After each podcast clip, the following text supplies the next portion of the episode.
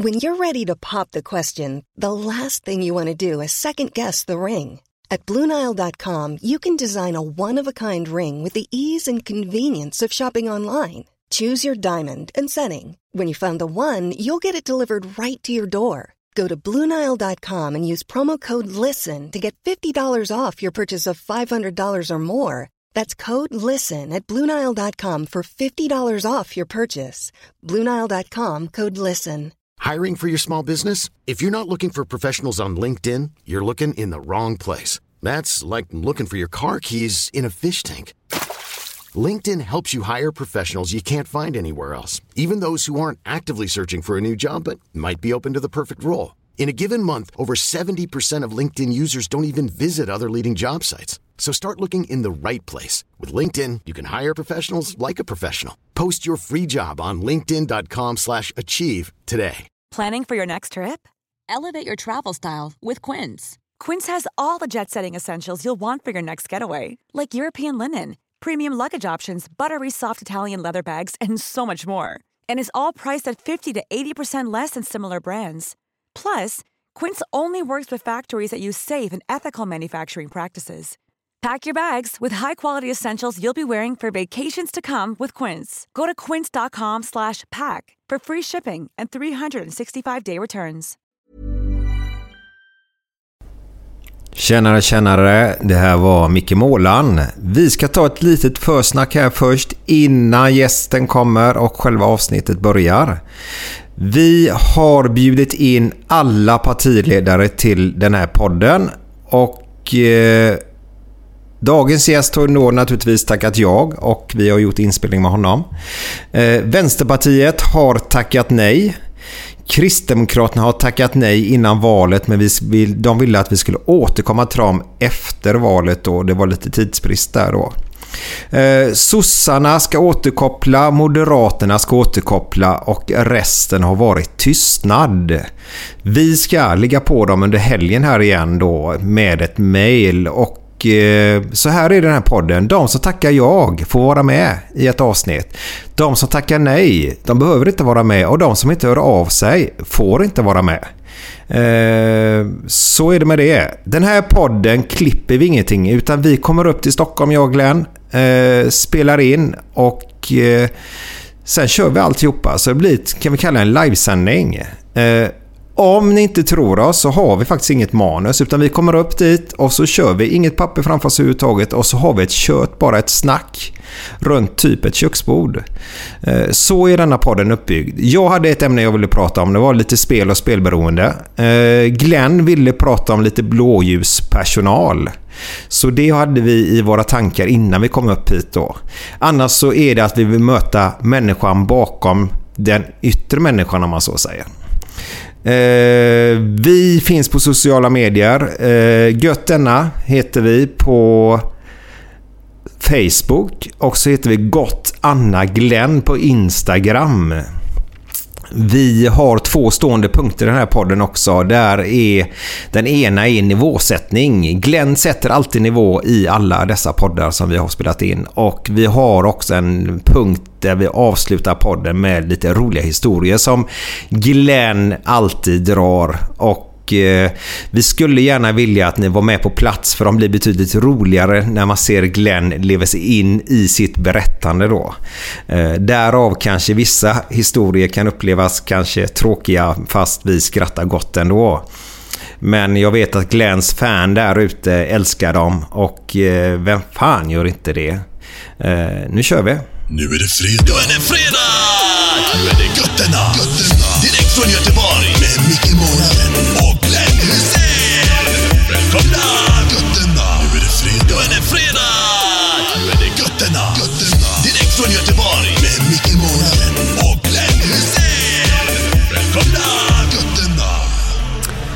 Tjenare, det var Glenn här. Välkomna till Gött podden igen. Och eh, den här gången har vi en, en... Jag vet inte hur jag ska kalla det, men jävligt intressant herre i, mitt emot mig här som heter Jimmy Åkesson. Tack så väldigt mycket att du ställer upp på det här. Ja, tack. Det är stort. Mycket stort. När Glenn kallar då kommer man. ja men så är det. Välkommen, välkommen då. Tack. Men vi sitter på ett rum hos dig nu. Ja, Är det ett speciellt rum just för att spela in och intervjuer Ja, och men sånt? det är eller? ganska schysst ljudbild här inne. Mm. Så att det är liksom, ja, jag tror det blir hyfsat ljud. Problemet är att jag hör inte ens vad vi säger nu för vi är inte så tekniska jag och Glenn. Men eh, Definitivt inte nu. nej, din hör jag men det spelar ingen roll. Nej. Jag ser här på, på datan att det blir bra i alla Mm, fall. Men är det det här som är ljud, typ isolering och sånt där? Eller Ja, är det jag tror något som sitter på väggen där? Det är så. Ja. Jag har förvaltningen här inte jätteglada för att man håller på att ändra i lokalerna. Det är ju någon K-märkt byggnad av något slag. Här. Okej. Men vi har gjort lite ändå. Sånt här jobbar de ju mycket med, på vissa ställen i alla fall, i skolor och eh, på dagismiljö. För att få ner just att det studsar ljudet då, eh, bullret. Eh, men är det tillräckligt där ute? Du har väl barn som går på dagis nu eller? Jobbar de med sånt? Går hos dagbarnvårdare faktiskt. Så det är ju hemma hos en dam. Ju väldigt- gammal sån här dagmamma? Ja, man får inte kalla det för det längre. Men i praktiken är det ju dagmamma. Precis. All, alla eh, yrken ska alltid byta namn. Det ska bli ett finare yrke om man säger. Jag tror att det heter pedagogisk omsorg. Heter det nu. Det låter något. Ja, ja det låter fint. Men är det, är det många barn hemma hos henne? Eller bara dina? Jag eller? tror de är fem. Fem? Okej. Fyra, fem något sånt. Mm. Det varierar lite. Så att jag tycker det är perfekt. Behöver hon sån ljudisolering hemma Jag hos sig? tror inte det faktiskt. Det är väldigt mycket ute i trädgården och så. Nej, jag, hon har ett väldigt litet hus. Jag fattar inte hur hon står ut. Men eh, ja, det funkar. Ja, härligt. härligt. Men eh, igår så var det bra tryck på läktaren. Vi sitter ju här idag. Glenn, har du koll på datum? Datum? Idag kan det vara den 19 juni kanske? Ja, härligt. Eh, och Sverige spelade igår. Och vann med 1-0. Mm. Ja. Såg du matchen? Jag såg den absolut. Du gjorde det? Mm. Vad tittar ni här? Vi satt faktiskt i partilokalen hemma i Sölvesborg och kollade ett gäng. Jaha, okej. Och så här, eh, ja det finns ju projektor där och så. Så det Mm. var lite, lite stämning. Vad, vad tyckte du om själva matchen? Väldigt mycket premiärmatch kändes Mm. det som. Att, eh, nej, men det var ju tydligt att Sverige är ju det bättre laget och sådär. Även om det var inte de första tio kanske. Men, sen. men det hände inte så mycket. Det var, man brände lite chanser och sådär. Mm. Lite typiskt en svensk VM-premiär skulle jag kalla det. Va, vad tycker du om det här eh, VAR? Ja, Systemet ig- igår med- tyckte jag väldigt mycket om det. Ja, det förstår jag. Sen vet jag att vi satt ändå, för jag- jag missade faktiskt de två första VM-dagarna för det var massa i riksdagen. Jag, den här matchen eh, Spanien-Portugal, då stod jag på Bromma och hörde folk skrika och jubla men jag missade matchen helt tyvärr. Eh, Men sen kom jag hem och han se min första match, jag vet inte vad det kan varit, jag minns inte ens vilken match det var. Men då blev jag så här, vad är det här för något nu då? Det är jättekonstigt. Och det känns lite, det hör inte riktigt fotbollen till kände jag. Men sen insåg jag att på, när Sverige spelar på måndag då kommer jag älska det här. Så att, ja men jag, jag har tagit till mig det nu kan man säga. Ja, ja. Jag, jag kan ju tycka att det går lite väl långt. Om bollen är inne eller ute, okej. Det är helt okej med det. Men stanna upp. Snart blir det ju för offside och så blir det inkast. Och så ska man kolla, är det verkligen inkast? Är det hörna? Det får inte spåra ur. Nej, och man märker ju på tilläggstid och sånt att det har blivit minst fem minuter i varenda match. Och det, ja, nej, jag är lite sådär. Nej, jag är kluven, men Ja. ju- just nu känns det som att eh, det var en bra grej. Men hur väl insatt är du i, i sport eller fotboll? Eller är det fotboll som gäller i första hand? Eller? Det är i första hand fotboll är det, men eh, alltså jag är inte jätteinsatt längre. Förr- Längre? Men det har du varit. Förr var jag alltså, jag höll på att säga på din tid, men jag följde ju Champions League och sånt eh, på 90-talet liksom. Mm. Och slaviskt såg varenda match som sändes då. Alla matcher sändes ju inte på samma sätt som idag, men det var ju så här stående, liksom heligt på onsdagskvällar. Eh, nu har man inte riktigt den tiden längre så nu är det inte. Jag, alltså när folk börjar prata om spelare och sånt så får man ju nicka och låtsas som att man vet vilka de pratar om. Men egentligen har jag ingen aning. Men, men vet du, du måste få ett tips här. För jag har ju två pojkar. De är 18 och 19 nu och där hemma. Och så fort det är någon spelare så går man och ropar det namnet. Så säger de exakt vilka klubbar de har spelat på när han flyttade senast. För de får reda på allting genom Fifa nu nämligen. Det är tv-spelet. Just det ja. Där, Så ja. ungdomar idag, de har stenkoll på varenda spelare. Vilken klubb han spelar i, om han är bra eh, snabb eller om bra passningar och allting. De får allting. Så du kommer, om tio år så har du stenkoll på det. Jag behöver helt enkelt köpa en spelkonsol. Till barnen, ja. Till barnen också. Ja, ja, ja. De har koll på det. Du behöver inte ha koll på Ja, men det. jag måste ju lära mig så jag kan lära. Han är bara fem så han kan inte lära sig själv. Nej, det är sant. Men, Är det en, ett barn har eller? Ja. Mm. Det är det. Slut. Men du har själv spelat fotboll, ja? Eller? Ja, det har jag. Eh, fram till efter studenten någon gång. 19-20 års åldern där. Eh, sen började jag plugga, flytta till Lund. Och då, Ja, men vilken position? jag började min karriär en gång i tiden som sistegubbe, vi kallade det. Ja. Eh, libero. Libero. Libero, ja, Ja. precis. Eh, Och då sa man till, jag kommer ihåg min första match, det var en sån här inomhusturnering, jag kan ha varit 5-6 år gammal och sånt. Och sa han, du, ja men Det enda du behöver tänka på är att du ska inte gå över mittlinjen. Så jag sprang där liksom längs mittlinjen hela matchen och gick aldrig över den. Ehm, Tyckte sen- du det var kul eller? Ja, men jag, ja, vi, vi ägde ju den matchen så jag fick inte se så mycket av bollen. Liksom. Eh, sen, eh, ja, men sen spelade jag på den positionen i ett par år i, i liksom knattefotbollen där. Sen blev jag yttermittfältare när man gick över och spelade 11 manna Och det är den positionen jag liksom identifierar mig med. Det är den, det här att ta långa löpningar och slå inlägg och sånt. Det gillar jag. Du är en dynamo, du orkar? Eller du... Ja men då gjorde jag det. Ja. Nu skulle jag inte vilja ha den positionen kan jag säga. Men, eh, ja, men då var det, hur gammal är man när man börjar spela liksom på stor plan? 10-11 år gammal och Ja, sånt. Ja, då var man ju det ja. Det var ju inte alla som kunde liksom få upp bollen i luften i laget. Nej. Men jag var en sån som kunde det. Så då fick jag liksom vara den som sprang på kanten Okej. inlägg. Så. Och kom du ihåg att de som var höger och vänsterback på den tiden, typ man var 10-11 år, du får gärna släppa den micken. Ja, men den det- åker bara i golvet kanske. Den Ja, men- sitter lite ojämnt. Ja, men, Men jag kan hålla men, den men där Glenn, lite. om du tittar på våra mickar där så har vi en grej bakom där. Du har ju två där. Om du vrider på den lite. Så. Nej. Men hur menar du då?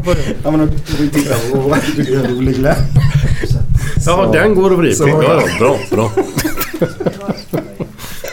Slipper det låta så mycket. Men då har du testat andra sporter när du var mindre eller? eller? Ja, alltså jag, jag spelade pingis. Eh, ganska länge faktiskt i ett par omgångar. Eh, och tävlade och sådär. Men eh, alltså det är en rätt tråkig sport alltså. Den är kul att utöva på fritidsgården men det är inte jättekul att, att liksom spela på allvar. Så. Ganska enformigt i längden. Sen eh, spelade jag badminton. Spelade lite grann.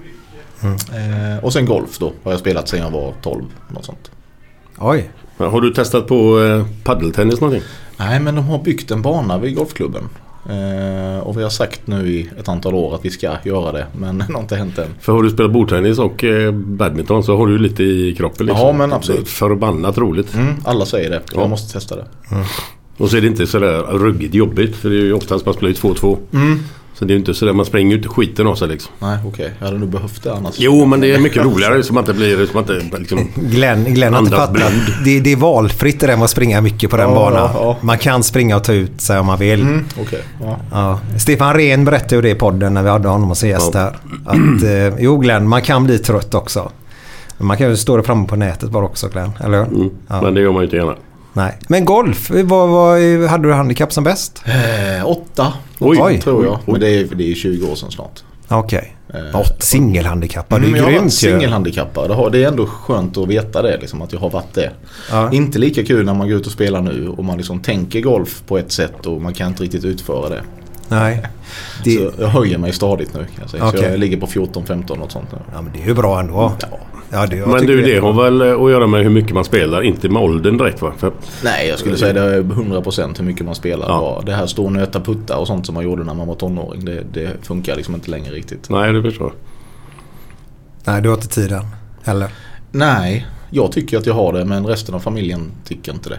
Alltid. Men är inte det en bra, eh, en bra form att köta liksom allvarliga saker också? Mot Jo, spela men- golf, att man samtal, möten eller vad fan. Perfekt, det är jättebra. Ja. Eh, eller det beror ju på hur seriös man är. Vill man, vill man gå in i sitt golfspel så vill jag helst att de omkring mig håller tyst. Så. Men eh, jag försökte få min son att börja spela här nu. Han är helt ointresserad. Mm.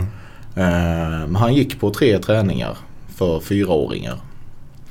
Eh, Vad gör de då? Alltså Nej, de leker ju bara. Alltså, Ja. De satt åtta ungar i en ring. Eh, och tränaren skulle ha någon slags genomgång så här att nej, men, Ja det här är en golfbana och det här, så här kallas det här gräset. Det är lite kortklippt och så här. Och de satt, och jag vet min son räckte upp handen och sa titta vilken fin pinne jag har hittat. Ja. Ja, men det är ju det, är ju det det ska vara. Ja men så, nej men det handlar väl mer om att bekanta dem med omgivningen och spelet så. Och det han Ja, jag, jag ska göra ett nytt försök till hösten. Får vi se om han tycker att det är mer spännande. Ja. Man kan ju trötta ut dem genom att, alltså börjar man för tidigt så kan de ju tröttna bara därför. Så är det ju. Utan intresset kan ju byggas upp genom att han ser pappa går och spela golf. Precis. Nej, men jag, jag frågade ju honom om han vill för han har ju sett att jag spelar Ja. så. Han har fått klubbor också, tre stycken. Så han ville gärna testa dem. Mm. Men nej, det var inte så kul. Men han får prova igen när han vill. Han får stå hemma och slå på tomten bara. Inte på min gräsmatta. Den har jag Va? alldeles för mycket tid och pengar på för att den ska liksom... Skojar du? Ingen golf där. Nej, nej, absolut inte. Det är det värsta jag hört. Var, var, varför är den så Vikt, Nej, Eller vad? nej, det är inte riktigt så. Men det, jag vill inte ha något gräs alls egentligen. för Jag har Nej. inte tid att ta hand om gräs. Så då Okej. lovade min bättre hälft, men vi måste ha lite gräs. Jag vill bara lägga sten överallt. Eh, ja, men jag tar hand om gräset sa hon. Och det gjorde hon väl kanske inte riktigt på den nivån som jag förväntade mig. Eh, Ja, du vill ha en green lite grann? Ja, nej men jag vill i alla fall ha en grön gräsmatta. Så. Ja. Eh, mitt förslag var då att vi lägger konstgräs istället för Mm. det ser rätt fräscht ut idag. Det finns bra konstgräs. Det var ju inte heller riktigt äkta utan någon, något grönt som växer det ville hon ha bestämt. Och jag, nu, idag håller jag ju med henne att det är klart att man ska ha en gräsmatta men jag vill gärna ha den fin och då ska man inte vara där med sandwedgen och, och harva. Mm. Nej. Men- du, du, vet, vet, du ska få ett tips om mig då eftersom jag är runt och målar på olika hus och sånt. Mm. Åker runt i Göteborg. Och alla som har de finaste gräsmattorna de har en robotgräsklippare. Det har jag också. Det bra. Jag har haft den några år. Bra. Faktiskt, så att det, och det, den blir ju så fantastiskt fin. Mm. det. Så att det, och den klipper liksom Ja det, det är perfekt. Mm. När den fungerar. Det, trädgården är inte helt klar än så den kör fast hela tiden. Så jag får hålla på att justera den här slingan. Och det Mm. är lite frustrerande emellanåt. Heter den något eller den? Ja alltså vi hade ju vi, Första roboten hemma var en dammsugare. Hon hette ju Robban.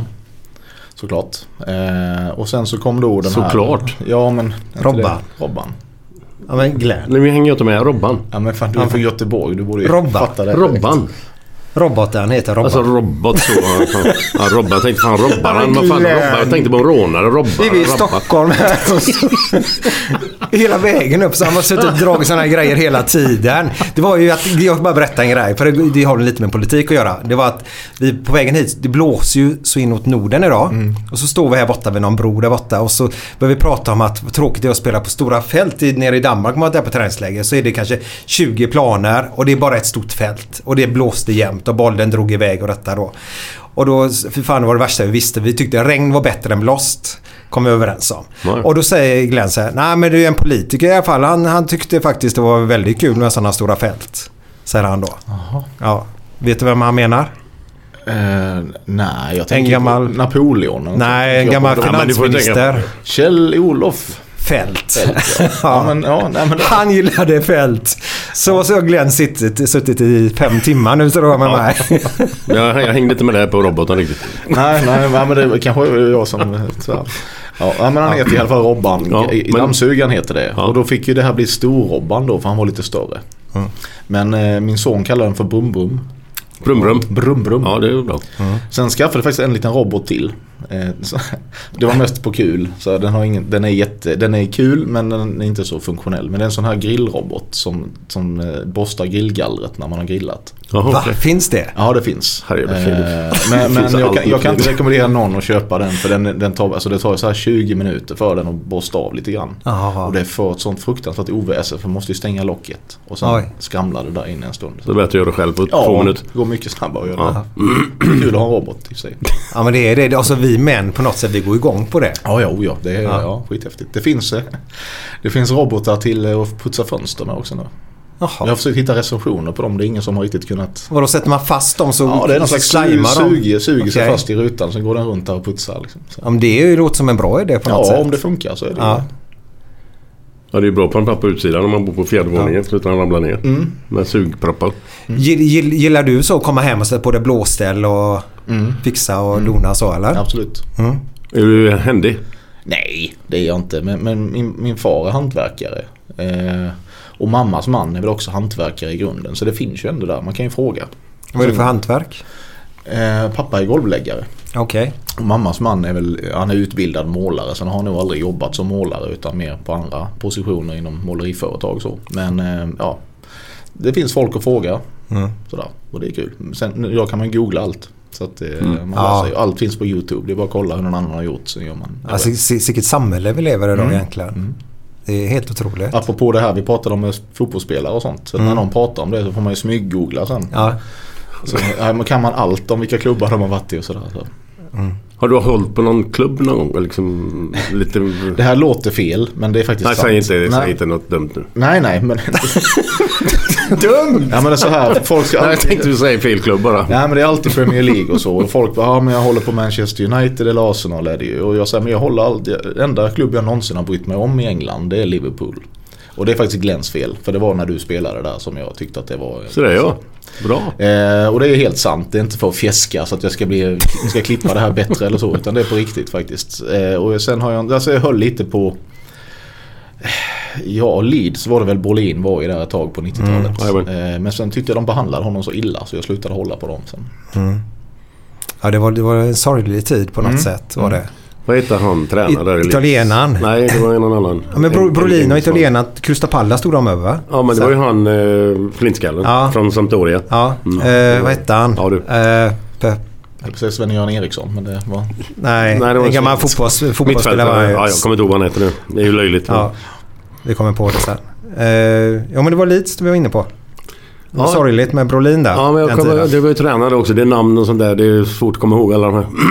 men det var en känd engelsk tränare som tränade som inte hade han som favorit direkt, Brolin. Eh, var han, den han, han, ville ha pengar av Brolin tror jag. När han gick till... ja, vad mycket till konstigheter det var det. eh, Brolin har sagt det någonting. Eh, och Brolin bara, när man ska betala dig någonting sådär. Så kommer han bara frysboxen och detta. Ja, Helt sinnessjukt.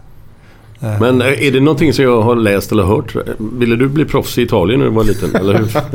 eller var det något som... Var någon, har jag drömt läst, det eller? du har nog läst det tror jag. För Ja, står, ja. Jag har skrivit det i några sammanhang faktiskt. Eh, och det, Glenn, jag berättar det för dig faktiskt. Var det du som berättade Ja. det? Ja, kanske var. Nej men så här, jag hittade en... När man gick i skolan, alltså i väldigt unga år, så skulle man komma ihåg man skulle skriva en bok om sig själv. Och då skrev jag lite om mig själv och min största dröm det är att bli kändis. Skrev jag då. Eh, helst som fotbollsproffs i Italien. Men annars kan jag ta lite vad som helst. Så, ungefär så stod det.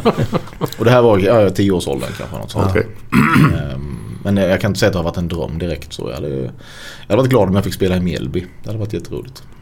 Men du har lyckats med att bli kändis i alla fall? Ja, på gott och ont är det så. Glenn, har du lite nivåsättning eller? Eh, vi kan väl titta om det finns något Ja. bland papperna här. På tal om vi ska- nu då så är det Glens... Han, han har två stående punkter varje gång. Det Okej. ena är nivåsättning då. Det är hur podden kommer att bli nu då. Mhm. Och sen avslutar han podden då med lite roliga historier då. Okej. Ja. Så varsågod Kan jag ta Glenn. lite... eh, Kan börja sådär direkt med sådana som inte är helt PK. Eh, Jesus och gänget satt och snackade i ett rum. Så knackade det på dörren. Och går han och öppnar så står alla A på utsidan. Så vänder han sig ut på de andra killarna så säger han Är det någon som har beställt kebab?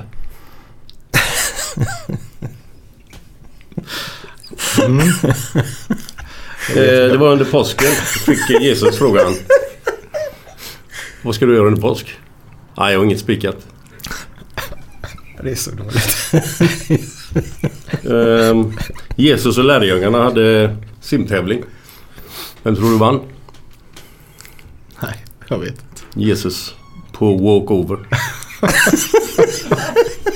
Den var ju faktiskt så att jag till och med vågar skratta åt den utan att någon blir arg. För det var, Vet du varför de hittade Moses då? Han skrek sin mass. Där har du nivån idag. Ja, men jag, jag uppskattar, jag gillar nivån. Den är bra. Ja, det är bra. Underbart. Men vi får ta lite breda känsla va? ja, det får vi ta nu.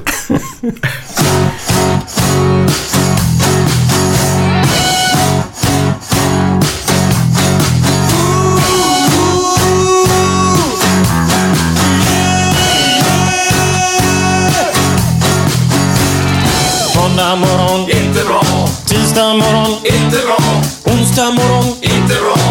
torsdag morgon, det är inte bra, fredag morgon, lite bra, fredag lunch, mycket bra, fredag eftermiddag. Underbart!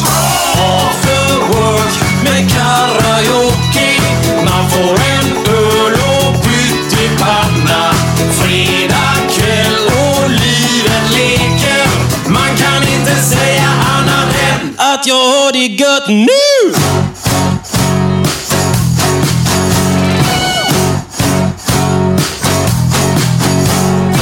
Måndag morgon, inte bra, tisdag morgon, inte bra, onsdag morgon, inte bra, torsdag morgon, inte bra, fredag morgon, lite bra, fredag lunch, mycket bra, fredag eftermiddag.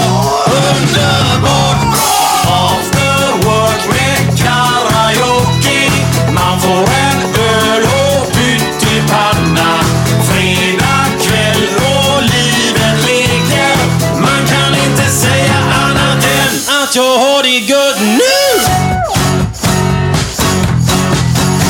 Ja, där hade vi den igen. Det var den underbara, fantastiska låten After Work med Björn, Björn Rosenström. Den är, den är från, fantastiskt bra. Gillar du Björn Rosenström eller? Um, ja, det gör jag. Alltså han har ju på något sätt definierat min... Hela min studenttid, eller studenttid ska jag inte säga, men det här året man, man tog studenten i gymnasiet. Då vet jag den här skivan. Låtar som är sådär. Den var ju gigantiskt stor. Och det är en sån skiva man lyssnar på ibland fortfarande. Och det, den har stått sig väl får man säga. Inte så PK dock. Nej. Nej. Men den är väldigt bra. Vi hade han som gäst förresten. Det är ju en, en djupt intelligent person uppenbarligen. Mm. Som har väldigt, eh, en väldigt sjuk hjärna skulle jag tro. Men, men, Ja, eh, väldigt sjuk Nej, och men väldigt härlig gärna. Ja, ja, nej, men på något sätt lite skönt så. Ja. Gillar du att spåra ut sådär lite grann? Alltså, nu vet, alltså, ibland behöver man ju det. Spåra ut lite grann och skrika eller vad som helst. Gillar du att göra det? Ja, vissa- skrika. Ja. Ja men vi är ofta så skulle folk se vad vi håller på med här ibland så skulle de inte tro att vi kan styra ett land. Liksom, kan du Men berätta? så, nej men det är så. Vi har mina stabsmöten och det, det har fallit sig så att det är i princip bara män i min egen ålder som sitter med där. Oj. Ja, det är lugnt. Så länge det inte är brandlarm så... Nej det är bara, vad är det? Är det votering nu? Jo, du lyckades pimpa där. Så är det votering. Är det någon som ska rösta nu? Det är omröstning nu ja. Eh, Jag fick få hoppa över den då. Ja, det Nej, här men är det brukar vara klockan fyra egentligen men ja, det var halv fyra idag. Ja. Vad pratade vi om? Ja just det. Jo, om du gillar att balla ut lite grann sådär på er. Ja men vi ballar ur hela tiden. Ja. Eh, Men det, det skapar en väldigt kreativ miljö. Och Det är klart när man sitter då, vid, alltså mina stabsmöten då har jag ju då eh, ja, men stabschefen och lite folk kring honom. Sen har vi kommunikationschef, presschef och gruppledare i riksdagen och partisekreterare. Och, alltså det kan ju vara rätt eh, bisarr humor emellanåt. Men det skapar en väldigt kreativ miljö. Det, alltså den öppenheten för att man kan säga galna saker, man kan vara galen, man kan ja, som du, Vara sig själv, ja. Ja. men kanske inte vara sig själv men man blir någon i den, liksom, Mm. sådär, i den dynamiken som uppstår i det här. Och sen så tycker jag att vi kommer fram till fantastiska saker också. Vad, vad gör du för att liksom släppa allt det här? Koppla av? Vad är liksom... Ta, ta in ett lugn eller liksom... Vad gör du på fritiden när du bara vill slappa? Det beror lite på men det här med att ta på sig ett blåställ. Nu är väl inte blåställen blåa längre kanske men ta på snickarbyxor och eh, ge sig ut i, och se viktig ut i trädgården. Som att man har ett projekt som man ska slutföra. Så Det är ett sätt att totalt rensa hjärnan. Eh, spela golf är ett annat sätt. Ehm, sen har jag börjat lyssna väldigt mycket på ljudböcker. Okej. Det har jag i alla fall en timme varje kväll innan jag somnar. Så är det, så här, det är väldigt bra. Är det någon speciell favorit eller? eller Nej, alltså typ just av- nu, just nu lyssnar jag på eh, den sista Silverbjälke-boken. Jag vet inte om ni har läst det där. Det är Stefan Sauk som läser in och det är en fullständigt bisarr figur. Han är sadist och, och, och psyk- psykopat och han är allt möjligt liksom. Eh, väldigt- Sauk? Nej, det vet jag inte ska jag säga. Jag tror inte det. Nej, men huvudkaraktären här. eh, Han mördar folk till höger och vänster. Han har sadistiskt sex med folk eh, till höger och vänster. Och han, han drar sig inte för någonting och så. Det, blir, det är ju helt bisarrt men det är väldigt det är svårt att sluta lyssna på det. Faktiskt. Har du någon bok sådär som du kan rekommendera? Eh, men, men jag brukar säga, nu, jag är ju inte stockholmare så. Eh, men det, det, något av det jag brukar rekommendera är faktiskt Fogelströms stadserie. Mm. Apropå ja, lite arbetarlitteratur eh, fast från Stockholm och utspelar sig liksom från, ja, men från sent 1700-tal och framåt. Eh, det är väldigt, framförallt nu sen man, jag läste det där på gymnasiet en gång och sen så, och då visste man ingenting om Stockholm så man kunde inte relatera till allt. Sådär. Men nu när man har varit här en hel del så kan man relatera till alla platser och där var jag. Så det är väldigt fascinerande på det sättet. Så det rekommenderar jag, Fågelström. Mm. Gillar du att kolla på film och sådär? Mm. Är det några speciella action eller? Är det Nej, actionen ger mig inte så mycket faktiskt. Nej, nej, om jag ska vara ärlig. Hellre än så här alltså thriller eller Ja. eh, Eller om man sitter med familjen kanske någon så här komedi. Jag har en fallenhet för romantiska komedier. Åh, Det är ju lite sådär. ehm, Typ?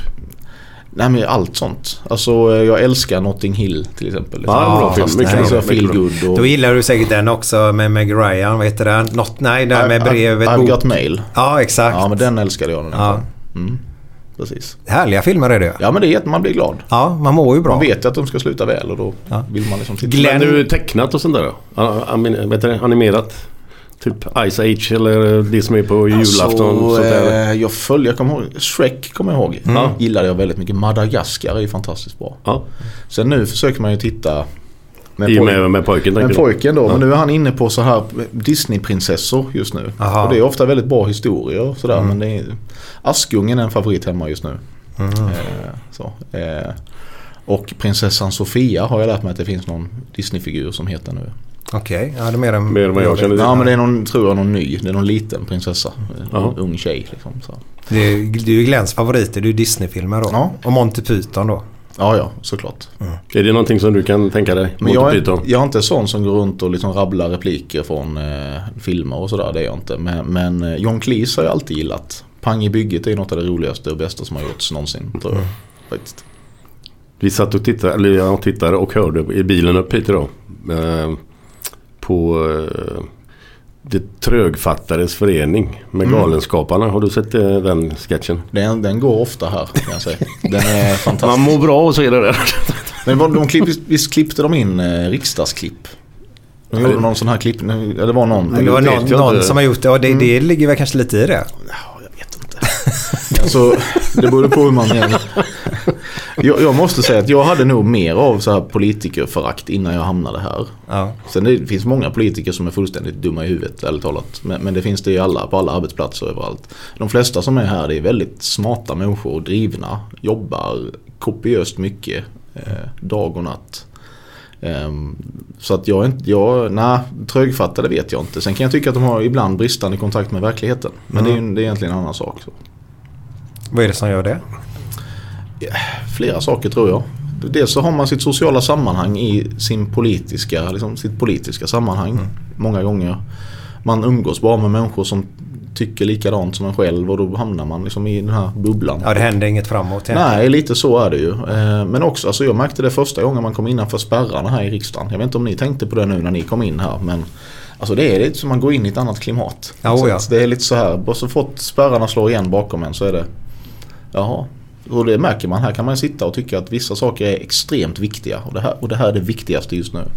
Och så går man hem och frågar mamma om det där och hon har inte hört talas om det överhuvudtaget. Och, och det, det säger någonting om liksom, Ja, jag förstår att sitter man i riksdagen i 20 år så blir man nog lite avskärmad tror jag. Men lyssnar ni på vad, vad folket säger där ute om man säger på arbetsplatser och sånt? Hur, hur får ni in den informationen till er? Nej, men jag försöker göra det i mitt sociala sammanhang när jag inte är här. Det är människor som jobbar, som har traditionella arbetaryrken. Alltså, de allra flesta hemma har ju, är ställningsbyggare eller så är de snickare eller så är de, ja, kan vara golvläggare eller elektriker eller vad det nu är för någonting. Det är väldigt få akademiker där jag kommer ifrån. Eh, och jag tror det är bra. Jag har också försökt, försökt ska jag säga, jag sitter faktiskt kvar i kommunfullmäktige hemma Okej. i Sölvesborg. Jag har inte varit jätteaktiv eh, om jag inte, under den här mandatperioden av förklarliga skäl då. Men, men eh, jag finns kvar där och, jag, och det är också ett sätt att tror jag behålla en fot liksom, i en annan verklighet. Det är mer påtagligt, mer konkret så. Men du bor ju alltså i Sölvesborg? Ja. Familjen är där nere och så är du här uppe? Ja, fast Ja. jag är här en normal vecka, två nätter, tre Ah, dagar. okej, okej. Och sen försöker jag vara hemma. Vi pratade fredagskänsla förut. Vad, vad, vad gillar du att dricka? På fredag Ja. Ja, men eller när du är ledig och liksom kopplar av. Alltså Ja, men- är ju ledighetskänsla kan vi kalla det. Ja men ledighetskänslan, den främsta ledighetskänslan som finns det är väl när man så här, fredag och klockan har passerat 16 och det är okej att öppna en pilsner. Mm. Det tycker jag är fantastiskt skönt. Då känner man, kan man här, Lite frihetskänsla. pusta ut. Pusta ut lite ja. Ja. ja. Ja men det, det är så att det, Sen har jag, emellanåt så nördar jag in mig på öl och olika så här. Okej. Eh, Så IPA-gubbe. Ja men IPA är ingen favorit. Det är Nej. så här, det är ju IPA, ärligt talat. IPA har blivit väldigt populärt därför att det är den lättaste ölen att brygga. Så alla Mm. mikrobryggerier satsar på IPA. Och det tar bara tre veckor så är den klar. Ja, Ja. Och, och, Det är bra. Och, och jag älskar humledoft. Det är det häftigaste som finns. Alltså, jag har bryggt en del öl själv. Och jag försöker alltid spara humlen så länge som möjligt i liksom slasken. Jaha, för att känna det doften. sätter doft. Ja, det är Aha. fantastiskt. Så. Men däremot humlen ger ju också en väldig beska i ölen. Mm. Och det är jag inte jätteförtjust i. Nej. Jag är mer inne på så här Imperial Stout och sånt. Alltså riktigt svarta, eh, starka saker. Aha, okej. Vad, vad, är, är det lite grann som Guinness då eller? eller? Nej, Guinness är ju det är ganska blaskigt. Jaha. Utan det ska vara liksom, det ska vara mer, eh, vad ska man säga, mer fyllighet. Jag har aldrig druckit en sån. Nej men testa det. Newcastle Brown, du vet vad det är? Ja, den är väldigt blaskig. Ja, tycker du det? Jag Ja, tycker det, den nej, är- det är ingen, eh, nej det är ingen favorit. Kan, men säg då, säg en, en som man ska testa för att känna just det som du är ute efter nu då. Oj, men det, eh, det finns ju en klass, det finns ju klassiska, en svensk porter, Carnegie porter till exempel. Den Mm, okej. finns ju både Ja. som folköl om man nu inte vill bli berusad. Och så finns den som starköl. Den finns också som årgångsöl. Jag har provat några årgångar av den där. Som man kan spara utan att den blir Ja, gammal. är det en sån riktigt sån svart sotig stout så kan man spara den Jaha. ganska länge faktiskt utan problem. Fast det, ska man spara den väldigt länge då brukar man få vaxa korken som det heter så den inte ska läcka. Fan, det här är Skulle ju... du kunnat eh, spara en öl så länge? jag försökte spara en, en, en, en jag hade köpt en, eh, ett lock eh, flaskor eh, Heineken Mhm. som skulle ha bilen så där bara. Men så har det varit fotboll varje kväll nu. Då, fem slinker med in varje kväll. Då har man en orsak att ta en bira ja. Ja, exakt. Mm, ja, så är det. Man hittar ju orsak till att ta en bira ibland också. Det händer ju att man gör det. Mm. Eh, sen är det ju Ja, ja, jag, min, min främsta skälet till att jag inte letar orsaker jätteofta det är, det är egentligen vikten. Alltså jag tränar ju inte jättemycket och då öl är ju en jäkla bov. Alltså, Oh ja. Oh ja. där, så, så att eh, man får passa Men, sig. kör du lite gym och sådär eller? Nej jag gör ju inte det. Nej. Jag, jag borde göra det. Jag har, jag har byggt ett gym i källaren hemma men sen så gick menisken av i mitt vänstra knä. Gammal fotbollsskada säger Ja. jag. Jag vet inte om det är det. Mm. Jo men det är det. Självklart. möjligt, Självklart. Läkaren sa att det är förmodligen, har du spelat fotboll? var det första han sa. Ja det har jag ju. Eh, så att då har ju det gått. Fast nu är det rätt okej. Så att jag ska testa och träna lite. Ja, minisker. Opererar du om botten då eller? nej. Nähä. Nej, jag har inte gjort någonting utan jag hänvisar till sjukgymnastik bara. Det där är ju återigen. Men vad, alltså, vad gör man då liksom? Om man inte tar bort den? Då... Nej, alltså man, man får väl, alltså han, läkaren jag var hos han var reumatologen och han kan knän liksom. Han sa att eh, det är ja, sex månader så ska det nog fungera hyfsat igen. Och gör det inte det då får du ju komma tillbaka så får vi operera. Där har jag hört också nämligen, precis som du säger nu. Men hade du opererat den så hade du varit helt frisk efter två veckor istället. Jag förstår inte. För, förstår du vad jag inte förstår? Absolut, Ja. men jag tror att det kan vara så att man kan inte operera hur många gånger som helst va? Så vitt jag har förstått det. När man tar väck den bara så är den Ja, borta. så är ju. det. Men det är ju en mjukdel som sitter mellan, ben, mellan Ja, benen. Då ja. har man inte den så är det inte bra för då går ju benen mot varandra. Ja. Eller är, det, är jag fel ute nu Så eller? tänker jag också. eller? Ja, har du fått en spricka i menisken så kan de skära bort själva sprickan då om Ja, jag har förstått det okej, rätt då. okej. Och så har jag hört att de tar väck den på vissa också då om den är då. Ja, jag vet inte. Det är över våra huvuden eller? Ja, jag, så länge jag kan gå någorlunda obehindrat. Så Ja. jag, nej, men jag har till och med lyckats ta mig runt på golfbanan några gånger. Eh, Ja, men det är ju då- huvudsaken liksom att inte man är handikappad. Ja. Ja, ja, man ska ju inte elitidrotta. Då går det kanske inte utan Nej. menisk. det Du, jag. du kallar ju golf för något va? Ja, moderatbandy men det är ju en gammal grej. Ja. Ja det är ju faktiskt det. Ja. Så- Men det, det börjar ju gå åt så att mer och mer alltså, jag tror att det vanliga människor spelar golf idag. Alltså så är Än- det. än Så vad det var för det var 20 ju- år sedan. Ja, men går man 20 år tillbaka så var det faktiskt ännu mindre så. Alltså jag tror att golfen hade sitt Man går värsta... 30 år tillbaka Ja men så har det 30, värsta. 30 år så Ja. var det nog så. Ja. Sen så blev ju golf en folksport. Alltså jag tror man hade uppåt en halv miljon ut, aktiva utövare i Sverige. Och nu är det väl 300 000 och sånt kanske. På 90-talet hade vi jättemycket. Ja. Ja. Mm. Det, Men är det, är det... Jag spelar ju ingenting. Är det dyrt eller?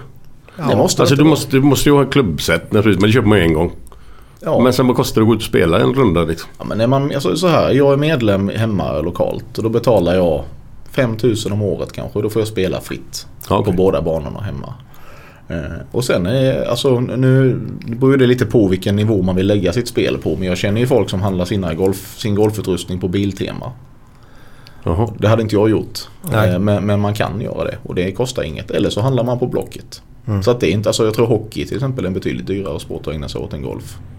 Om man inte ser golfen som en social grej också och åker runt i hela världen och spelar golf. För det är ju förbaskat dyrt. Jag spelade en runda i Thailand i vintras.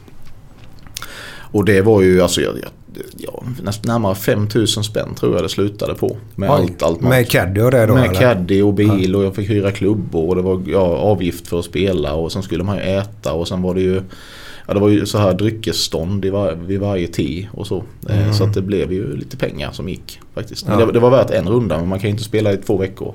För de, det går ju inte liksom. Nej, nej, nej. Mm, Nej. Men kollar du golf på TV eller någonting? eller? Mm. Fast nu har jag faktiskt prioriterat fotbollen när det har varit US Open här i, i helgen.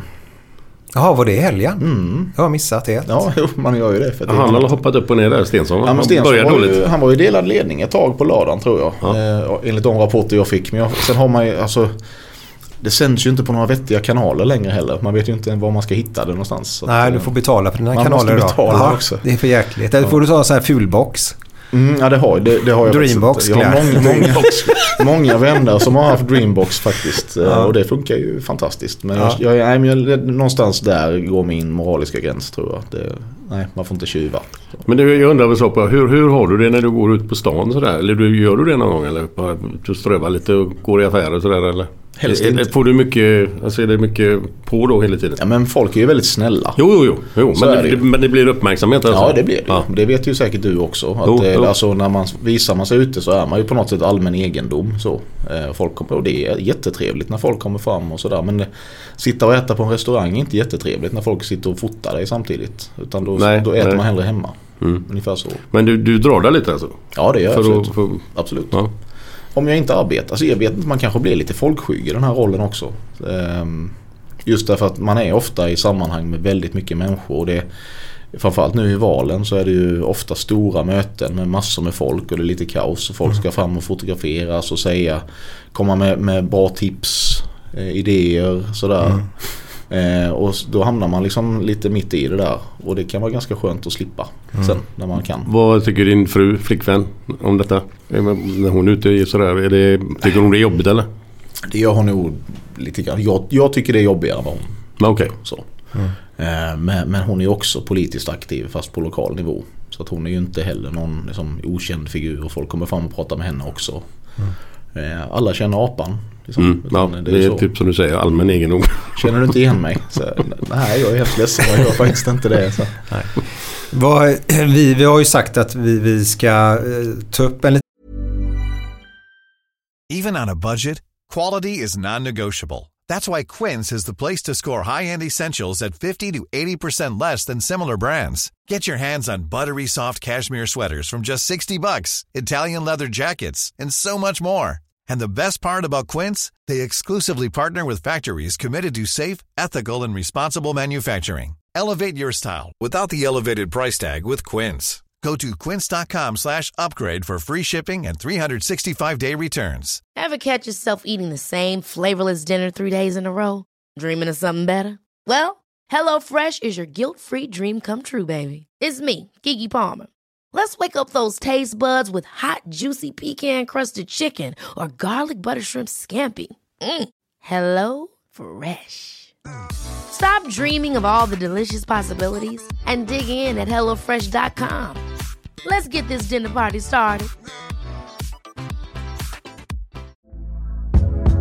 Hey there, it's Michelle Norris. I'm host of a podcast called Your Mama's Kitchen. When I travel, I'm usually looking for a way to find a taste of home when I'm not at home. And one of the things I love to do when I am at home is entertain. And Airbnb allows me to do that. When I was in California recently, I rented a house that had a great kitchen. And when we were sitting around the table, we're all thinking, we're in someone else's house. Someone could be in all of our homes as well.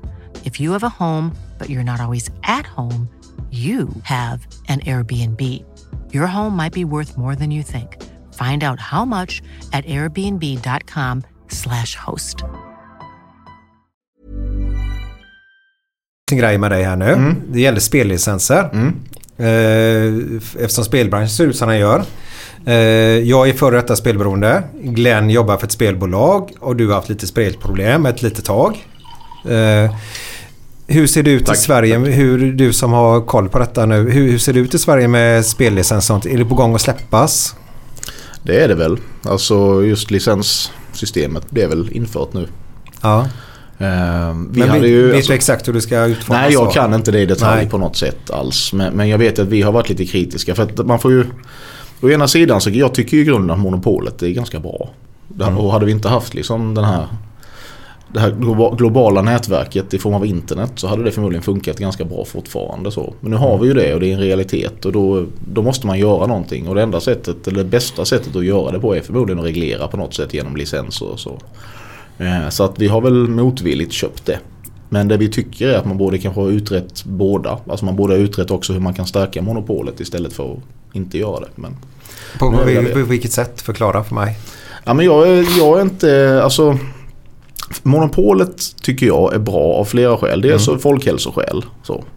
Eh, Men, men kanske också om man ser till att hur många föreningar eh, som, som faktiskt får ta del av de pengar som går in i det, ja, monopolets bolag eller båda bolag är väl.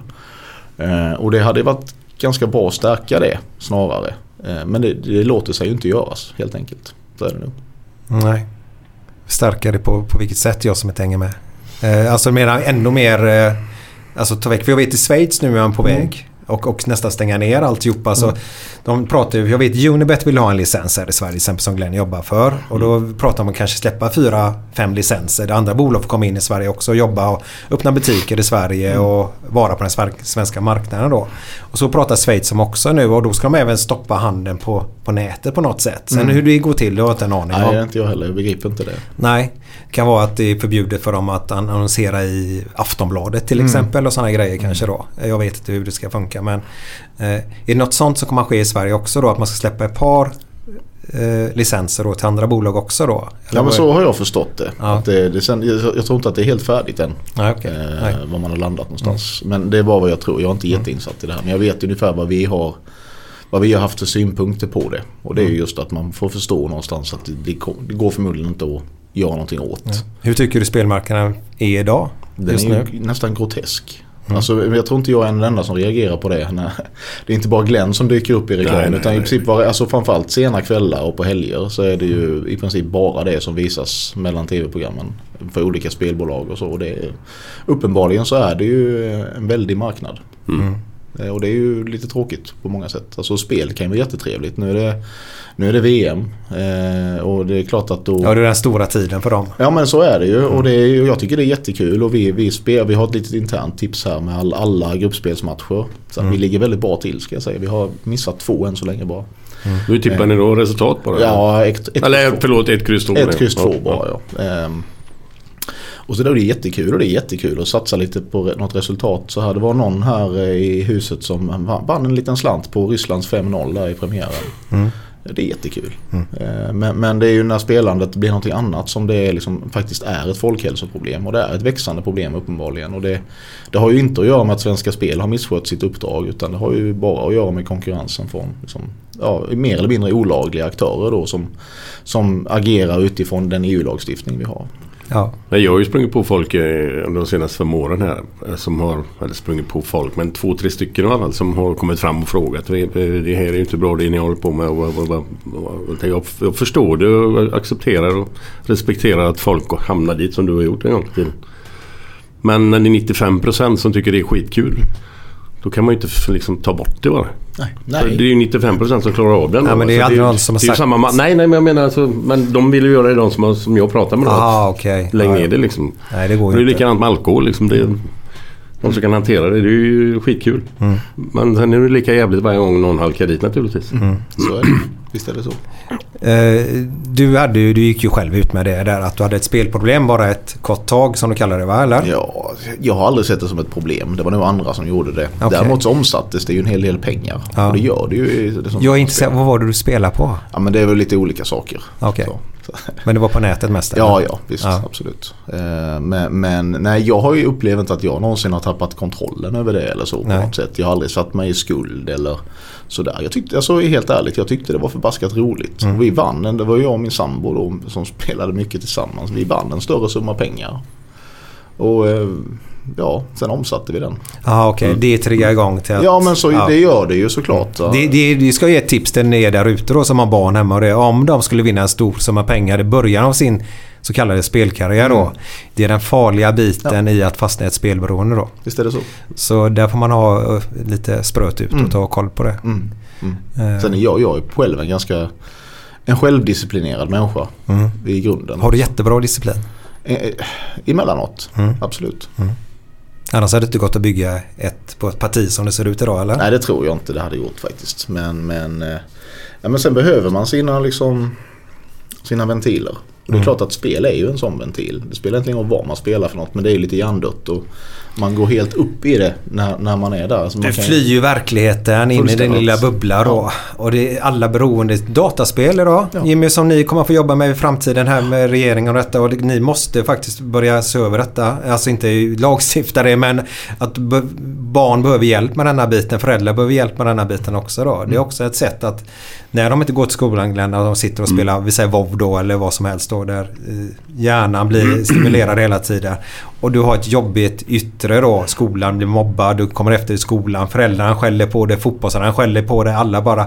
Det är ju skitskönt att flyga in i den världen ju. För där inne kan du vara själv och leva i detta nuet då va. Mm. Eh, Men jag vet en grej Jimmy. Du bär på ångest men det är på grund av att du inte är göteborgare. Är det så?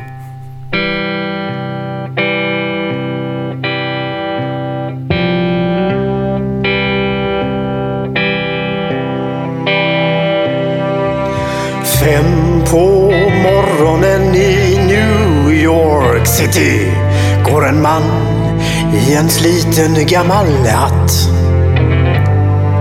Sveper rocken kring den tunna kroppen. Huttrar till, det har varit kallt i natt. Ser en strumpa sticker ut ifrån hans sko. Vandrar vidare men utan framtidstro.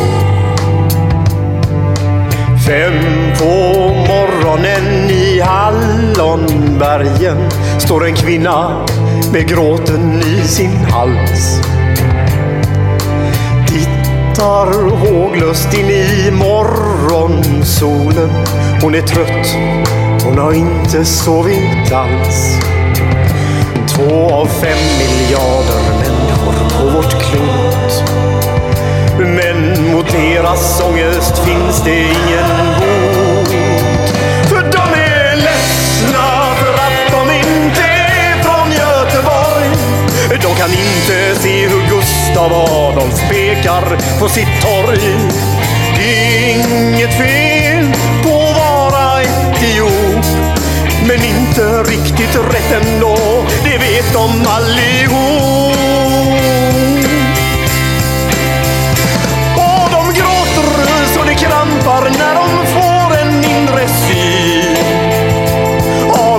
Vi som är från Götet tar en öl på Avenyn.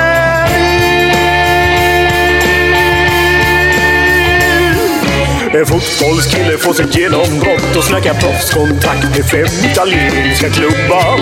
Ändå känner han att tåget har gått.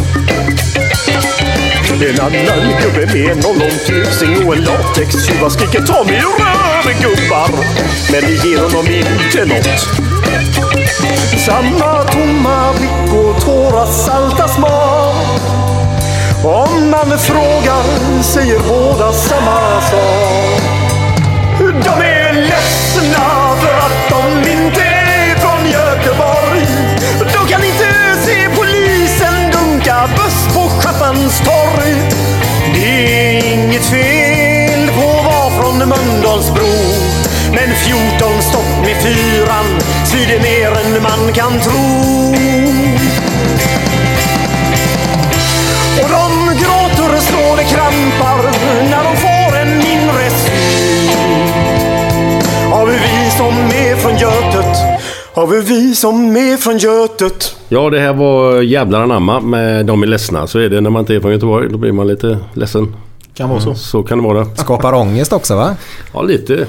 Ja. Jag har pratat med många som har det, det problemet. Det är många som inte bor i Göteborg som har ångest. Ja. Så är det. De allra flesta. Men eh, vi skulle gå in på en grej där. Ja, men, jag, ja, men jag har ju, har ju kompisar som är brandmän och ambulansförare och allt vad det heter. Poliser och... Eh, just det här med att folk är så jävla korkade så att de dels attackerar folk som ska hjälpa människor. Typ brandmän eller vad det nu är. Och, och, och, sen har de ju förhållandevis jävligt taskigt betalt efter vad de gör. Jag menar, de, när det händer någonting så får de ju slita häcken av sig. Så jag bara tänker, liksom, hur tänker ni liksom, när det gäller sånt där med, eh, med löner? Alltså, att de ska, jag tycker de ska ha fan så mycket bättre betalt för då kan det bli lite mer attraktivt kanske att vara det. De yrkena. Nu är det ju, man får skilja på blåljuspersonal och blåljuspersonal. För det vi hanterar här i riksdagen det är ju primärt polisen. Ja. Det är ju statligt anställda människor. Eh, De vill vi höja lönerna för. I genomsnitt 6 000 kronor. Men primärt då för de som är i yttre tjänst. Så det kan bli mer för dem än ja, för den som inte är det. Eh, men sen tror jag inte allt handlar om lönen heller utan det är ju arbetsmiljön framförallt. Det här du nämner med att man Alltså jag har ju kompisar som också jobbar som brandmän Eh, och de har ju varit med och det är ganska vanligt att att eh, ja, gäng som det kallas tänder på någonstans. Eh, det kan vara någon container eller vad som helst. Liksom. Och sen ringer de brandkåren. Eh, och sen rycker brandkåren ut och då står de där och kastar stenar och, och vad det nu är för något. Helt, alltså provocera fram det på det sättet. Så det är fullständigt absurt att det ska vara så. Men hur i helvete kan någon tänka åt det hållet överhuvudtaget? Ja, men det handlar ju om, det är en ganska, det är en ganska djup fråga. Men jag, tror, jag det- tror det handlar om tillhörighet. Alltså det här är ju inte, om vi ska vara ärliga så är det ju inte, liksom, det är inte Kalle och Pelle primärt som gör det här. Utan det är ju barn med invandrarbakgrund som bor i de här utsatta områdena som ägnar sig åt det här. Och det har ju mycket att göra med, är min analys, att de de har ingen lojalitet gentemot liksom samhället tvärtom. De ser staten och statens företrädare, det vill säga myndigheter och sånt, det är ju mer fiender. Därför att Mm. i de länder de kommer ifrån så är det så. Ehm, och det, det är kanske den största utmaningen vi står inför. Det här är ju bara ett symptom på ett jättegigantiskt problem som vi har och som växer. Mm.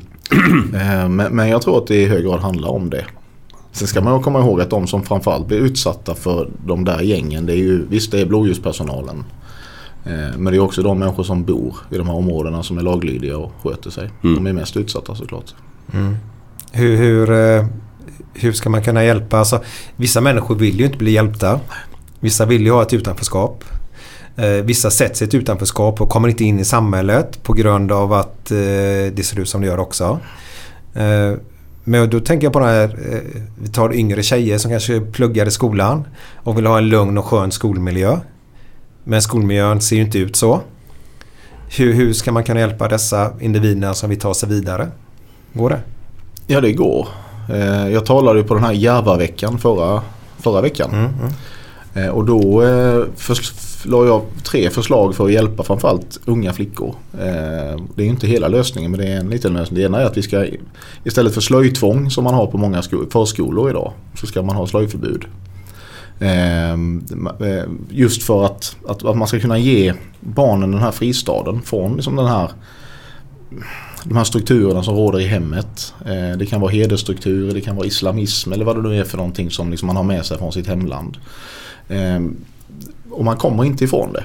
Och då menar jag att då ska, då ska vi erbjuda en möjlighet så att man åtminstone kan välja sen. Om man vill fortsatt vara del av den här förtryckarstrukturen eller om man inte vill det.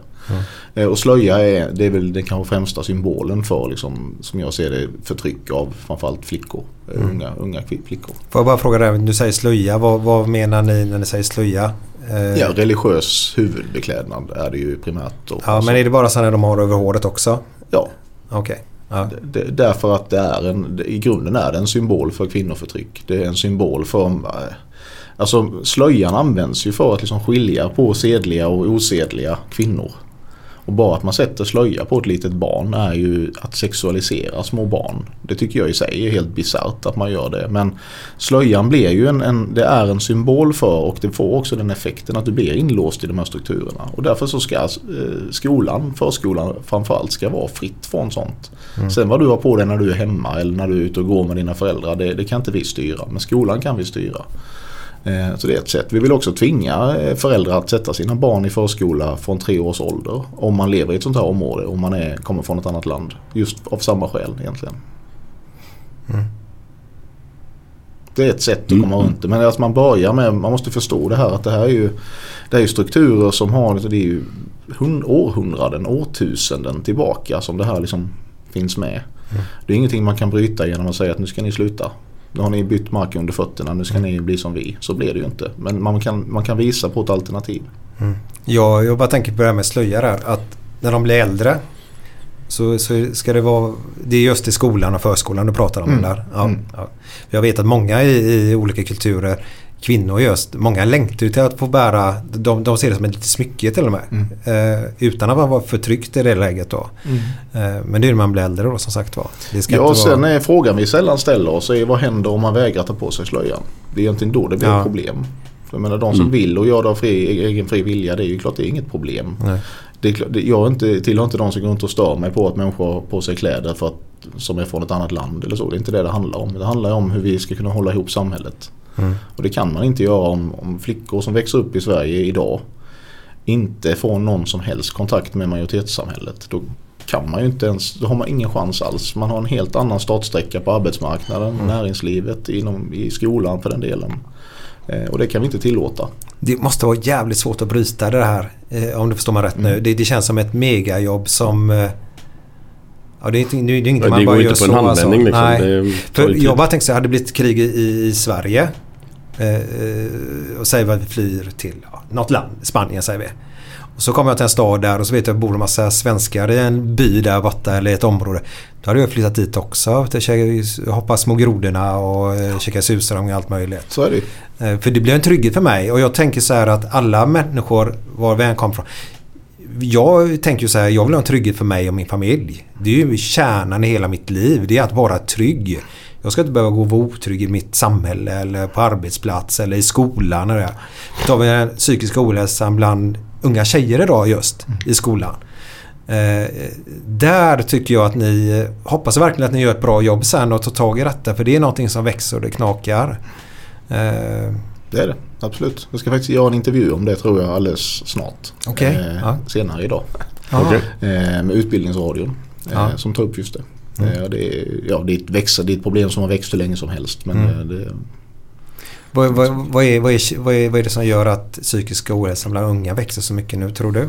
Dels tror jag att det är en spegling av hur samhället ser ut generellt. Alltså att det är mer, det är mer segregerat, splittrat. Eh, Det är en tuffare verklighet för väldigt många. Mm. Eh, Det, det är kanske den främsta orsaken. Men sen handlar det också om vad skolan har utvecklat. Så det, då pratar vi alltså en utveckling från 90-talskrisen och framåt. Där man successivt har minskat på sån här omkringpersonal i skolan. Eh, skolpsykologer, kuratorer, skolsköterskor. Annan omkringpersonal, kamratstödjare och sånt som fanns när jag gick i skolan så fanns ju det där. Men idag är det inte lika vanligt längre och det tror jag i sig spelar roll. Att läraren har fått ta på sig mer och mer av det där och klarar inte av det. Därför att Nej. det är man inte utbildad för det. Så att det är väl kanske det viktigaste man kan göra vid sidan av det här att liksom Ja, det mer strukturella så är det väl mer omkring personal i skolan tror jag skulle hjälpa mycket. Vad är det som gör att det inte finns det? Har man dragit ner på, på resurserna till skolan eller hur, vad är det som har gjort Ja, det? ja, ja, men det är ju en resursfråga. Alltså jag har ju själv varit kommunpolitiker i 20 år. Man, var är det man skär någonstans? Jo, det är ju i de delarna där, där man inte är tvingad. Alltså lärare är ju det sista man vill skära i. Då skär man ju i andra saker istället. Vilket kanske egentligen är en dum prioritering. Men ja, det är väl lite politikens dilemma så. Att man har ju en, dels en verklighet att ta hänsyn till. Eh, och sen har man också det här med att man, man ska helst gärna bli omvald Jaha, nästa okej. period och då tar man hela tiden hänsyn till det. Och det, det är, så, så är det ju. Vi har fyraåriga mandatperioder och då gäller det ju primärt att få budgeten att gå ihop under de här fyra åren.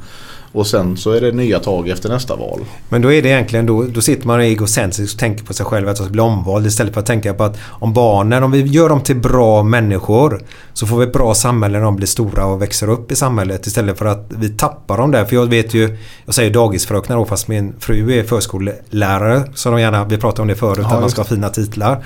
Hon blir alltid arg på mig men det får hon bli. Nej, men de, de kan ju nästan se på 4-5-åringar idag vilka det är som kommer att gå åt skogen för och inte kommer att gå åt skogen för. Så jag menar, man kan ju fånga upp det ganska tidigt. Mm, visst kan man det. Så, så det är Men det, alltså, alla politiker tänker ju inte så. Det finns jättemånga politiker som liksom, men man har väldigt i den här medialiserade världen som vi lever i idag där liksom allting handlar egentligen om hur media beskriver verkligheten. Det är så. Då har man inte så mycket ut av att tänka långsiktigt som politiker. Du har inte så mycket ut av att ta de här tuffa besluten för att det ska bli bättre på lång sikt och så. Tvärtom, man straffas ju för det. Mm. Och därför tror jag att vi har hamnat i en sån situation. Sen vi, tror jag inte man kan göra någonting åt det. För att det, vi hade treåriga mandatperioder förr och nu har vi fyraåriga. Det, Mm.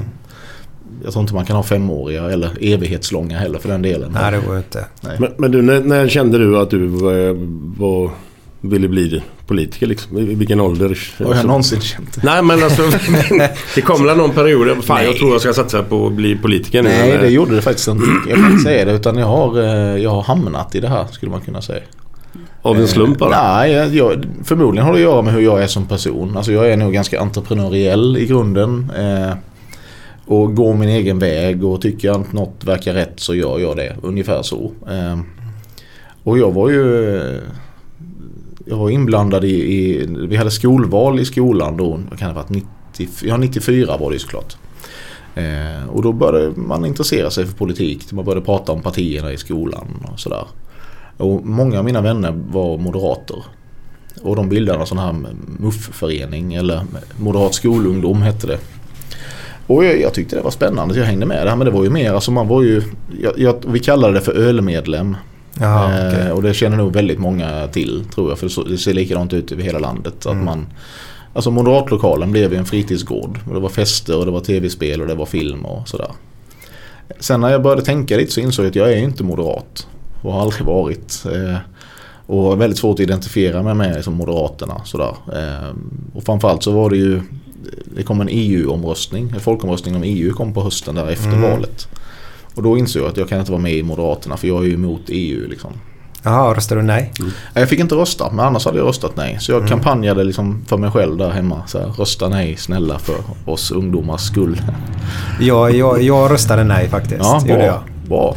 Ja men det var sådär, jag, jag fick sådär på, på kvällen just där vet man sen valresultat för det var ju väldigt, väldigt jämnt. Och de som hade vunnit då, när de står där riktigt så här äckeljublar in i tvn så kände jag bara så här.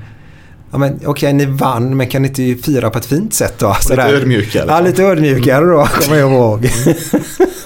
Men var du, var du duktig i skolan eller? Var du, Ja men det får man nog säga att jag hade väldigt lätt för läs, skolan. läshuvud? Ja, väldigt lätt för skolan. Så du var inte låg hemma och plugga utan det satte sig direkt bara eller? I princip så. Det, är ju, det är ju på gott och ont. För att sen när man kommer upp på lite högre nivå på universitetet så funkar inte det längre. Då måste man läsa. Mm.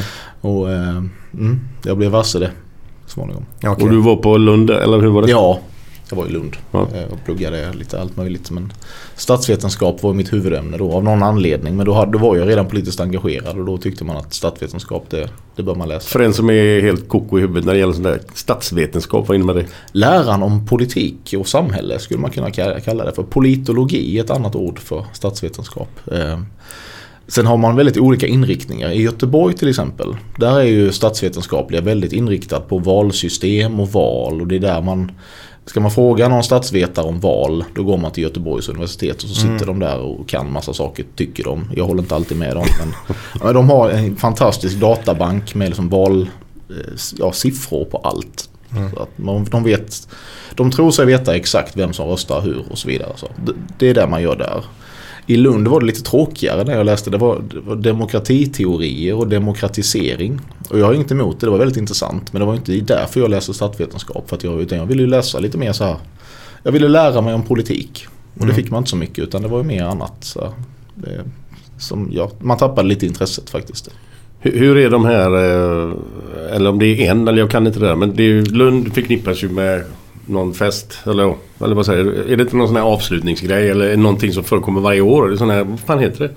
När man sjunger ut våren. Ja, men det är väl någon spex, Lundaspex eller vad fan är det Lundaspex har de Eller var fjärde vad- år. Vad, vad, vad gör man då? Är det... Jag vet inte för jag har aldrig varit så engagerad i studentlivet på det sättet. Nej, nej, det, okej. det var liksom inte alls min grej. Utan vi... Nej, det var, visst man gick ju på nation som det heter och ibland och sådär och festade lite men jag var aldrig engagerad i studentlivet. Alltså, vi, jag säger vi var det lite grann mest för att provocera för det var ju så förbaskat vänsterstyrt det där. Eh, och då, då pratar vi liksom vänsterstyrt i form av universitets, alltså den här teoret, alltså överklassungdomar som har en teoretisk vänsterprofil. Eh, och sådär. Och vi tyckte det var kul att reta dem. Så vi hade en, en kollega som ställde upp i sitt kårval. Och han blev faktiskt invald i kårfullmäktige. Och då tyckte de som bestämde där att det här kan inte ha gått rätt till så de gjorde om valet. Så han fick inte sitta där. De gjorde om valet och då kom han inte in. Nej, han fick en röst mer fick han. Men de mobiliserade ju då så att Ah, det blev ju okej. ändå så Okej. betydligt mindre. Så att, men det var ju mest på kul. Alltså, han hade nog ingen särskild agenda för kårpolitiken faktiskt. Det var mest för att retas. Ja. Tröttnar du på att prata politik eller? Det beror på vad man menar med politik. Alltså jag kan tycka det är jättetråkigt när jag sitter hemma och så kommer mamma och ja, hur går det nu då? Ja, just det. Det där är liksom så här, åh, jag vill inte vara otrevlig nu igen men jag orkar verkligen inte prata om det här. Nej. Däremot så menar, tittar man på nyheterna så det är klart att det sätter igång ett samtal hemma. Om, att något, om något är fel eller sådär. Eller, ja. Om, om det är lite grann som förr i tiden så, så satt man ju runt köksbordet sin lilla familj. Och satt och pratade politik och gubben slog oftast näven i bordet och Mm. eh, sådär. Eh, idag känns det som att eh, det, det sker inte på samma sätt, absolut inte. Men när jag, jag, jag försöker ju att inte prata politik med folk för, för det, det blir så aggressivt direkt. Och jag tycker det är jättetråkigt. Vi, jag satt här innan, vi satt och pratade lite grann och, och jag gillar att prata eh, livets mening och politik och hur det ser ut sådär då. Men jag försöker ju alltid se från andra pe- personers sida också. Inte bara, och det lär jag mig på och då, då blir jag en bättre människa tycker jag själv då. Eh, kanske inte blir, det får du säga Glenn. Men, men varför är det så aggressivt idag? Varför är det det? Ja, men det, är, vi har, det är ju en polarisering som det kallas. Alltså, politiken har ju hamnat där och det är mycket medias fel. Nu skyller jag mycket på media men det tycker jag att man kan göra ibland också. Men Mm. alltså, då, det, all, politiken är så förenklad idag. Mm. Eh, och allt det, det Ja, svart eller vitt menar Ja det är typ? bara det. Och Ja. det är, man, alltså, medierna de söker i hög grad, liksom, de ska ha klick på sina hemsidor. Mm. Och då, då måste det vara braskande rubriker och obalanserat och onyanserat. Det finns inget utrymme för att nyansera någonting någon gång. Eh, och det är klart att det skapar ju polarisering. Mm. Där man liksom tvingas välja sida och antingen hatar man någon eller så älskar man någon. Det finns inga, liksom, inget däremellan överhuvudtaget. Och det, det, det är ett problem och det gör ju att det blir känsligt att prata politik. Därför att om, om, nu är det väl inte riktigt så längre men om, om man är på en, bortbjuden på en middag någonstans och är Sverigedemokrat i garderoben så att säga och, och sådär, så säger man någonting vid den här middagsbjudningen. Så har du är sån ja, ja, nu ska vi gå hem. Mm. Eh, Den risken finns ju liksom. Eh, det kan ju vara med vänner man har umgåtts med hela sitt liv. Men plötsligt så blir det här någon slags vattendelare så att nej nej nej vi kan inte umgås med sådana där. Ja. Vet du vad societeten i Stockholm säger? Riktiga societeten nu. För att, ja, men de är mycket bj- bjudningar och Ja, sånt ja, ja, och vilka samtalsämnen man ska undvika just då. Mm.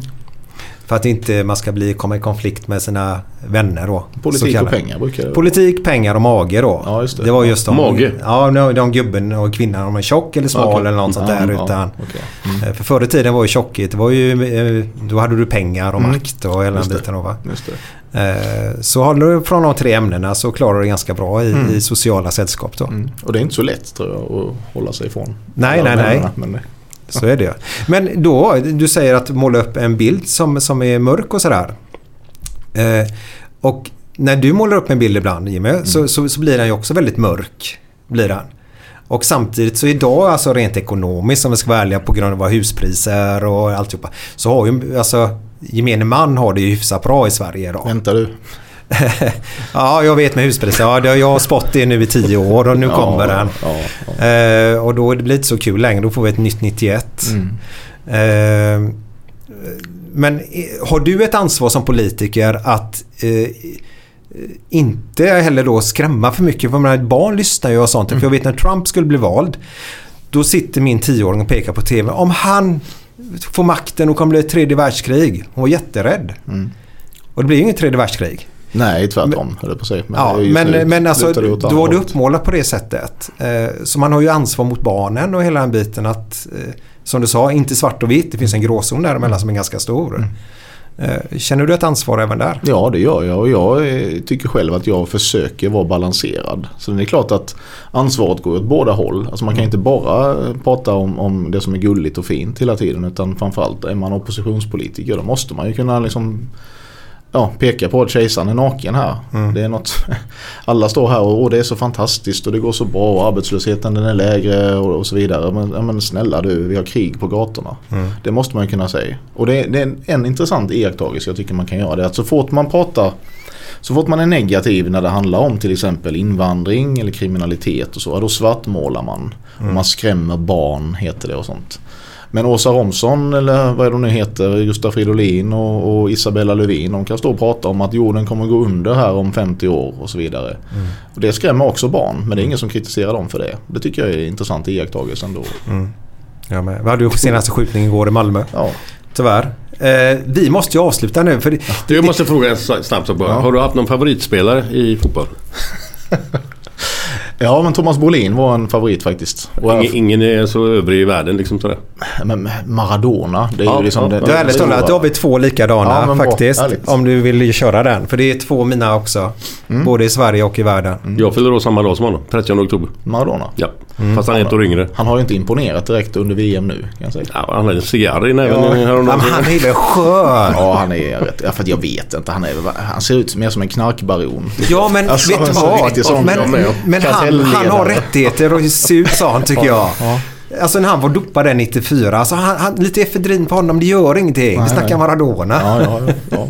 Nej, men jag gillade honom. Det var min första. Liksom, Ja. så här. Men eh, jag var, jag sju år gammal, 86. Ja, det var ju det största man kunde. Liksom. Vi, vi, vi måste här, vi, vi spelar en låt och så häng kvar där ute nu och så kommer Glenn med sina härliga vitsar.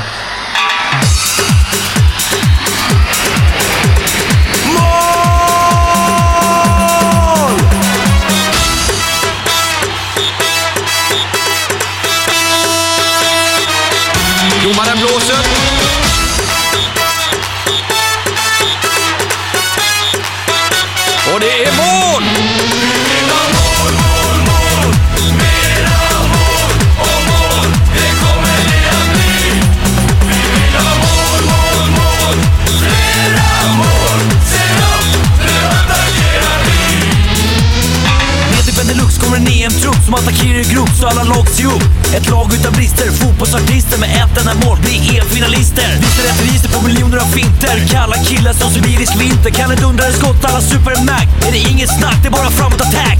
Översiktsfint, tunnel och stick. Skarvas panik och skott mitt i prick. Snurrar upp dem på läktaren, en efter en. Hör korvgubben fråga. Varje mål är som ett läckande såll. Ser dem börja böla vid 100-0. Kanonunderhållning för en underbar publik. Sverige i mål, vilken vacker musik!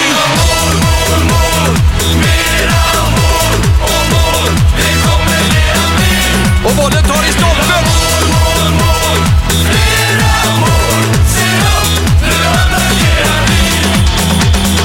Vilket tempo, vilken fart, vilket drag! Ja, han är bättre än Brolin. Ja, det blir inte mycket bättre än så här.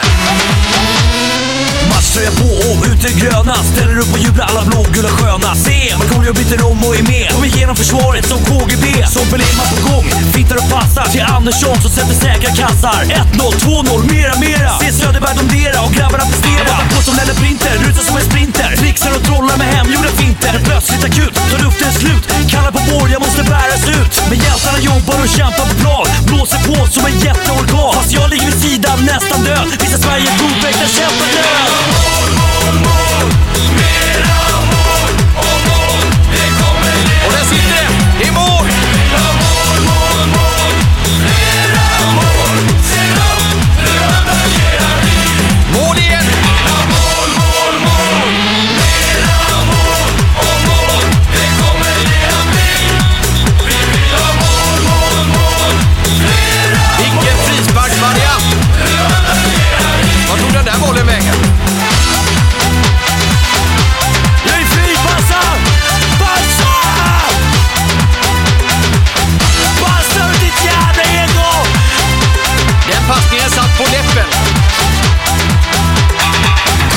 Sverige leder alltså med 100-0 när debutanten Markoolio får bollen.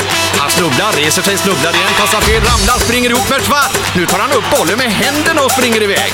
Lägger bollen bakom kortlinjen och skriker touchdown! Den mannen är ju inte klok, men det visste vi ju förut. Nu jagas han ut ur stadion av båda lagen. Oj, vad han springer! Oj, oj, oj! Mål, mål, mål.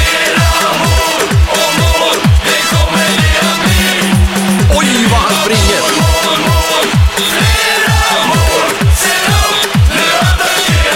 Det är straff!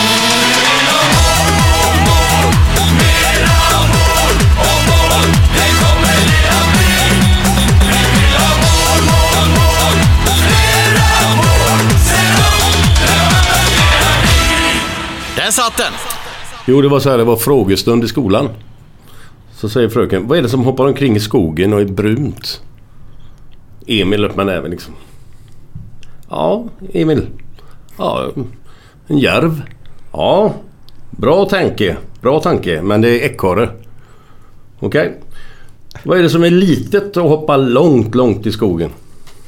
Lilla Ida. Eh, gräshoppa. Ja, rätt tänkt. Men det är en hare. Säger lille Per.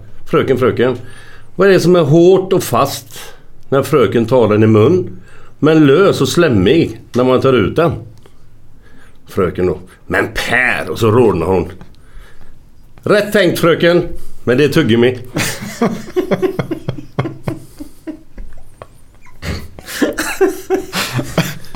Vem är det som sköter fotbollsskorna i australiensiska landslaget? Vet du det? Kängurun. Vet, vänta, jag måste ta en annan. Vet du vad Jehovas vittnen heter på kinesiska? Inte en aning. Bling plong.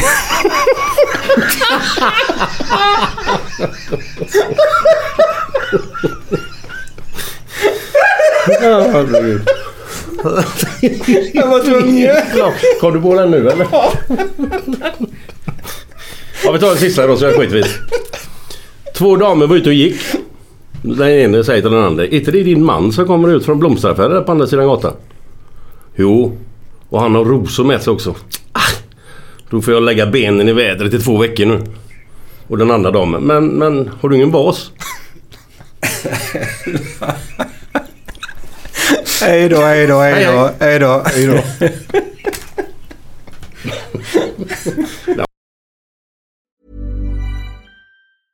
Hey, it's Paige DeSorbo from Giggly Squad. High quality fashion without the price tag. Say hello to Quince.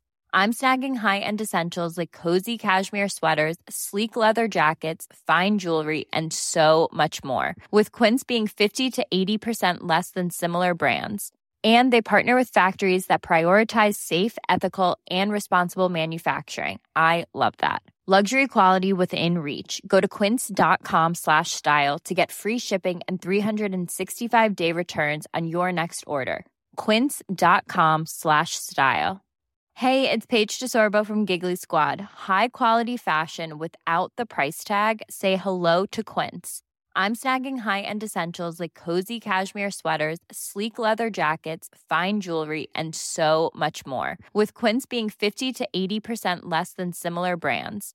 And they partner with factories that prioritize safe, ethical, and responsible manufacturing. I love that. Luxury quality within reach. Go to quince.com slash style to get free shipping and 365-day returns on your next order. quince.com slash style. when it comes to your finances, you think you've done it all. You've saved, you've researched, and you've invested all that you can.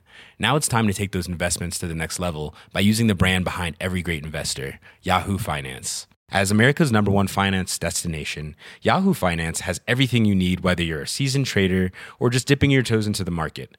Join the millions of investors who trust Yahoo Finance to guide them on their financial journey. For comprehensive financial news and analysis, visit yahoofinance.com, the number one financial destination, yahoofinance.com.